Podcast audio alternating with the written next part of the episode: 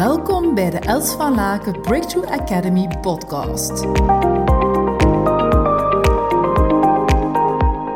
Wat ben ik weer ontzettend enthousiast dat ik jou mag inspireren op een volgende ja, inspiratiemoment, of het nu via een podcast is of via een video op mijn YouTube kanaal met ehm, het volgende puntje op focus. En dat is namelijk kies waarop je je wil focussen. Maak daarin een keuze. Kiezen is niet verliezen. Wij hebben dat heel vaak en heel veel ambitieuze ondernemers of businesswomen of businessmannen hebben de neiging om te zeggen: Ja, oké, ik mag niet, ik, ik wil dat en ik wil dat en ik wil dat. En daardoor gaan we eigenlijk geen keuzes maken. En ja, heel vaak verliezen we dan juist wel doordat we geen keuzes maken. Hè. Dus eigenlijk is niet kiezen verliezen, of dus kiezen is winnen. En daarin wil ik toch even stilstaan en daar even wat inspiratie, wat ja, food, for thoughts en, en een aantal zaken inbrengen vandaag. Goed, dus als allereerste. Als allereerste stap af van hetgeen wat je niet langer wilt. Ik zie te veel mensen nog steeds benoemen wat ze niet willen. En in het algemeen zijn we daar als mens ook gewoon veel beter in. We zijn veel beter in te benoemen wat we niet willen. Ik wil niet dat. Ik wil niet langer dit doen. Uh, ik wil niet dit, deze business. Deze business um, of uh, bepaalde projecten kosten energie van mij. Deze mensen, dat, dat, dat werd moeilijk voor mij. Deze leveranciers vind ik lastig, want dit en dat. Dus we kunnen heel makkelijk benoemen wat we niet willen. Als we daar echter niet uitstappen en we blijven daarin zitten, moet je maar eens afvragen en gewoon even in de exploratie gaan. Als je geen shift maakt naar wat je wel wilt, dan blijven die zaken gewoon zoals ze zijn. Het is een quote die mij altijd in beweging heeft gebracht en ook heel veel van mijn klanten. If you always do what you did, you get what you always gotten. Dus als je altijd doet wat je hebt gedaan, krijg je ook altijd wat je hebt gekregen. Dus als je blijft praten en wat je niet wilt, dan krijg je ook nog meer van hetgeen wat je niet wilt. Heb je dat opgemerkt? Ja, ik vind het altijd heel boeiend. Hè? Op het moment dat ik, uh, dat ik in die niet-vorms ga, dan krijg ik eigenlijk nog meer van dat. Waarom? Voor de mensen die een beetje spiritueel zijn, um, zijn ingesteld, en uh, ik ben dat zeker ook, dan uh, weet je dat het universum het woord niet niet aanvaardt en ook je onderbewuste, als we het dan hebben over ons eigen systeem, schrapte nee. En schrapte niets, vooral schrapte niets. De niet-vorm. Dus dat betekent als je bijvoorbeeld zegt, ja, heel simpel hè. Ik mag niet panikeren, ik mag niet panikeren, ik mag niet panikeren. Wat krijg je dan? Je wordt nog paniekeriger. Dus je wordt daar niet rustig van. Dus als we ons gaan focussen dan bijvoorbeeld op dat moment, in plaats van ik mag niet paniek zijn, ik mag niet paniek zijn. Ah, ik ben rustig. Ik ben rustig. Ik ben rustig. Dan gaan we ook gewoon rustiger worden heel vaak. Als we echter, ja, die niet-vorm wordt dan geschrapt eigenlijk. Dus, en dan krijgen we ik, ik ben paniekerig. Ik ben paniekerig. Of ik ben in paniek. Dus helpt niet. Dus focus op hetgeen wat je wel wilt. En dat is niet zo altijd zo evident. Uh, het is voor ons best wel een oefening. En daarom dat ik dat ook al als eerste inbreng. Ga echt kijken wat je wel wil. En ga daar ook een keuze in maken. En vooral doe het vanuit je why, vanuit je purpose. Als ik even refereer naar Simon Sinek, zeker een interessante man om alle YouTube-filmpjes en zo van te bekijken. Simon Sinek. En uh, hij vertelt natuurlijk, een van zijn boeken is The Why. En het gaat vooral over de purpose. Hè. De purpose, ja, iedereen kent dit. Hè. Wat dat jou enthousiast maakt, wat dat jouw passie ligt, waar dat je heel blij van wordt. Durf daar ook voor te kiezen. Ook voor mij was dat eigenlijk best een uitdaging. Ik, wou, ik vond ook dat ik nog al die bedrijven naast elkaar moest houden en dat ik bij evenveel moeite bij de verschillende bedrijven moest doen, die allebei uit de, allemaal uit de grond moesten stampen. Maar de realiteit was dat ik eigenlijk gewoon ja, vier, vijf uur sliep per dag. Ik werd er niet gelukkiger van. Ik ben getrouwd met een ondernemer, dus eigenlijk ben ik ook volledig verantwoordelijk, bijna, laten we zeggen, zes op zeven voor de kinderen. Dus ik werd daar niet gelukkiger van, want ik, ik merkte eigenlijk gewoon, ik werd korter tegen de kinderen, ik was, was lastig, ik was vaak moe, ik werd ook vaker ziek. En ik merkte ook vaak als ik met mijn business mentors over sprak, dat, die, dat ik heel veel deed voor anderen, voor mensen die ik haar graag had. Uh, die ik opgeleid had en dat ik eigenlijk vanuit die beweging al die zaken nog bleef volhouden. Versus echt te kiezen waar mijn hart ja tegen zei. En dat is de Els van Breakthrough Academy. Dat is waar je nu aan het luisteren bent, de podcast en de vlogs en de YouTube films van de Breakthrough Academy. Daar ligt mijn hart. Ik wil graag doorbraken creëren bij vrouwen. En heel snel eigenlijk. En jullie bij vrouwen, bij mijn mannen ook. Want als, ik een, vrouw, als een vrouw bij mij in een traject komt of in een coaching, wordt die man ook mee beïnvloed. De hele omgeving komt in beweging. En ik hou dus ook van die snelle doorbraak. En daar gaat mijn hart helemaal van wippen. Ik hou om met vrouwen samen te werken zeggen, come on, let's do it. Weet je, daar gaan we vooruit. En dat is ook bijvoorbeeld een keuze dat ik meer maak. Van, ja, dit zijn een soort van vrouwen met wie ik wil samenwerken. Daar krijg ik ook energie van. Door het feit dat zij durven ook resultaten neer te zetten. Dus ga echt kijken. Wat wil ik? Je mag gerust een lijst maken wat je niet wil, maar ga het dan omschakelen naar wat wil ik dan wel en met wie dan wel en hoe ziet dat uit en wat maakt mijn hart gewoon sneller slaan? Wat is mijn why? Wat is mijn purpose? En ik herinner me ook nog als ik gewoon kijk voor mezelf en ik was als coach startende, dan, um, dan had ik mezelf een jaar gegeven om gewoon lekker veel te leren, heel veel te gaan observeren en vooral heel veel gratis vlieguren op te doen. Dus ik coachte iedereen gratis, ik ging training geven overal en ik was daar heel blij mee. Tot natuurlijk op bepaald moment de tijd was om daar ook centen voor te vragen.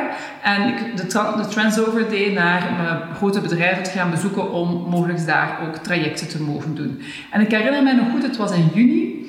En um, ik was toen op weg met uh, de zaakvoerster van de organisatie voor wie, voor wie ik toen werkte, als onderaannemer. En ik herinner me nog dat ze na het gesprek zei, maar Els, je merkt dat echt dat je dit, dit hier wilt binnenhalen, dus wees zo gerustig, zet je coachingsvaardigheden in. En ik had zoiets van, wat zegt hij nu? Ik, ik, ik, ik ben ik goed bezig hier. Maar de realiteit was anders. Ik was zo eager, ik wou zo trekken aan die business binnen te halen. Omdat ja, de, het semester die eraan kwam, stond mijn agenda eigenlijk, denk ik, voor maar... Oh, hoeveel zou het geweest zijn? Minder dan een vierde gevuld. Ik veel minder. Echt maar een paar opdrachtjes dat ik van die organisatie had gekregen. En ik zat dus wel een beetje in de kramp, want ja, nu moest het gaan gebeuren. En dus, dat was dus voelbaar en merkbaar. Ik wou dus niet een lege agenda. Ik wou dus, ik wou dus klanten, ik moest het allemaal hebben. En dus ik ging eigenlijk een beetje in die trekmodus. En het resultaat was dat we eigenlijk in die twee gesprekken ook niet die, die, die dat bedrijf uh, hebben binnengehaald. Die heeft ook een ja gezegd. Daarna wel, en dat is een heel groot project geworden voor, die voor de organisatie. Daar ben ik heel blij mee, want ik ben daar de initiator van geweest. Maar door het feit dat ik zo... Dat, ah, het mag niet zo, het mag niet dat was ik, was ik eigenlijk in de kramp. En dat heeft mij niet geholpen. Tot ik eigenlijk met een collega sprak en die zei tegen mij, wat als je nu gewoon, net zoals ik, gewoon helemaal gaat staan in overvloed en um, daarin gaat. En ik ben dan gewoon, het klinkt gek, maar het werkt gewoon. Het werkt gewoon. Ik ben gewoon tegen mezelf beginnen zeggen, de business komt naar mij, de business komt naar mij, de business komt naar mij, de business komt naar mij, de business komt naar mij. En toen heb ik echt beseft van, ah ja, oké, ik word hier rustiger van. Ik doe ook de juiste acties in plaats van gelijk wat te doen. Ik doe de juiste dingen. En het interessante genoeg is dat, um, dus ja, er was een zomerperiode tussen en in september was eigenlijk al agenda half geboekt.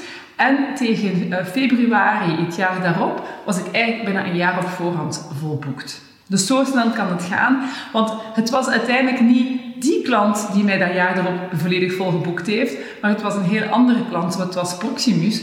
En dus ja, als je het gewoon kan loslaten van dat is wat ik wil, ik wil voor dit soort van klanten werken bijvoorbeeld dan hoeft het niet per se die klant te zijn waar je dan op dat moment in contact bent. Dan laat je het los en dan gaat de universe jou wel helpen om te kijken. Zij, zij vullen de details wel in, zou je kunnen zeggen.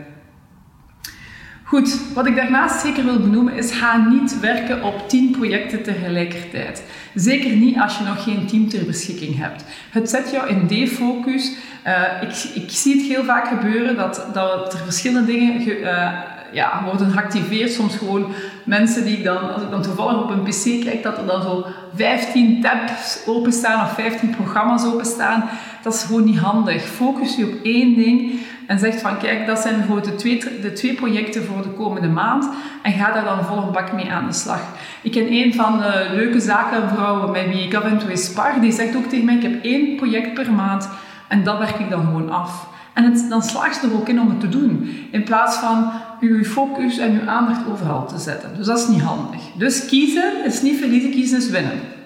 En hetzelfde geldt dus ook als je luistert naar mijn verhaal dat ik daar juist inbracht naar de keuzes te maken in mijn bedrijven, is ook gaan kiezen van waar, als ik kijk binnen mijn bedrijven, wat geeft mij nu het meeste energie, passie, wat is mijn why, waar is mijn purpose, daar het meest van allen. En soms hebben we dan bedrijven te verkopen, als daar onze why niet meer ligt, als we ons hart daar, of sommige bedrijven te stoppen op stand-by te zetten.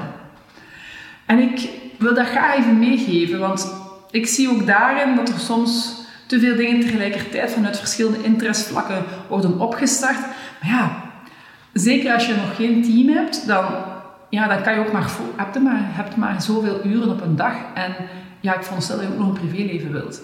Dus keuzes maken is zeker een goede zaak. Dat betekent dus een van de zaken dat ik wel heel interessant vind als ik bijvoorbeeld Tony Robbins uh, observeer. Dan zie ik, kijk, hij heeft heel veel verschillende bedrijven. En eigenlijk als ik kijk, en ik was onlangs uh, in twee van zijn events. En toen kon ik ook zien van wat zijn die bedrijven? Dat zijn randondernemingen, dat zijn randbedrijven. Zaken die hij vervolgens kan verkopen vanuit zijn core business, zijnde um, bijvoorbeeld zijn Unleash the Power Within of zijn Business Mastery. En die producten zijn dus verschillend gelinkt aan die programma's. Ik vind dat heel clever en heel interessant. Want hij gaat dus gaan werken vanuit de behoeftes van zijn klant. Hij gaat dus kijken van, ah, oké, waar lopen mijn klanten tegenaan? Bijvoorbeeld in de Business Mastery brengt hij een pilaar in en dat is de finance, dat is cijfers. Nu, hij weet ook heel goed dat heel veel ondernemers dat niet zo leuk vinden om met cijfers bezig te zijn. En dus, wat heeft hij gecreëerd? Een CFO-service. Dus eigenlijk, je kan een CFO inhuren voor x aantal tijd per maand.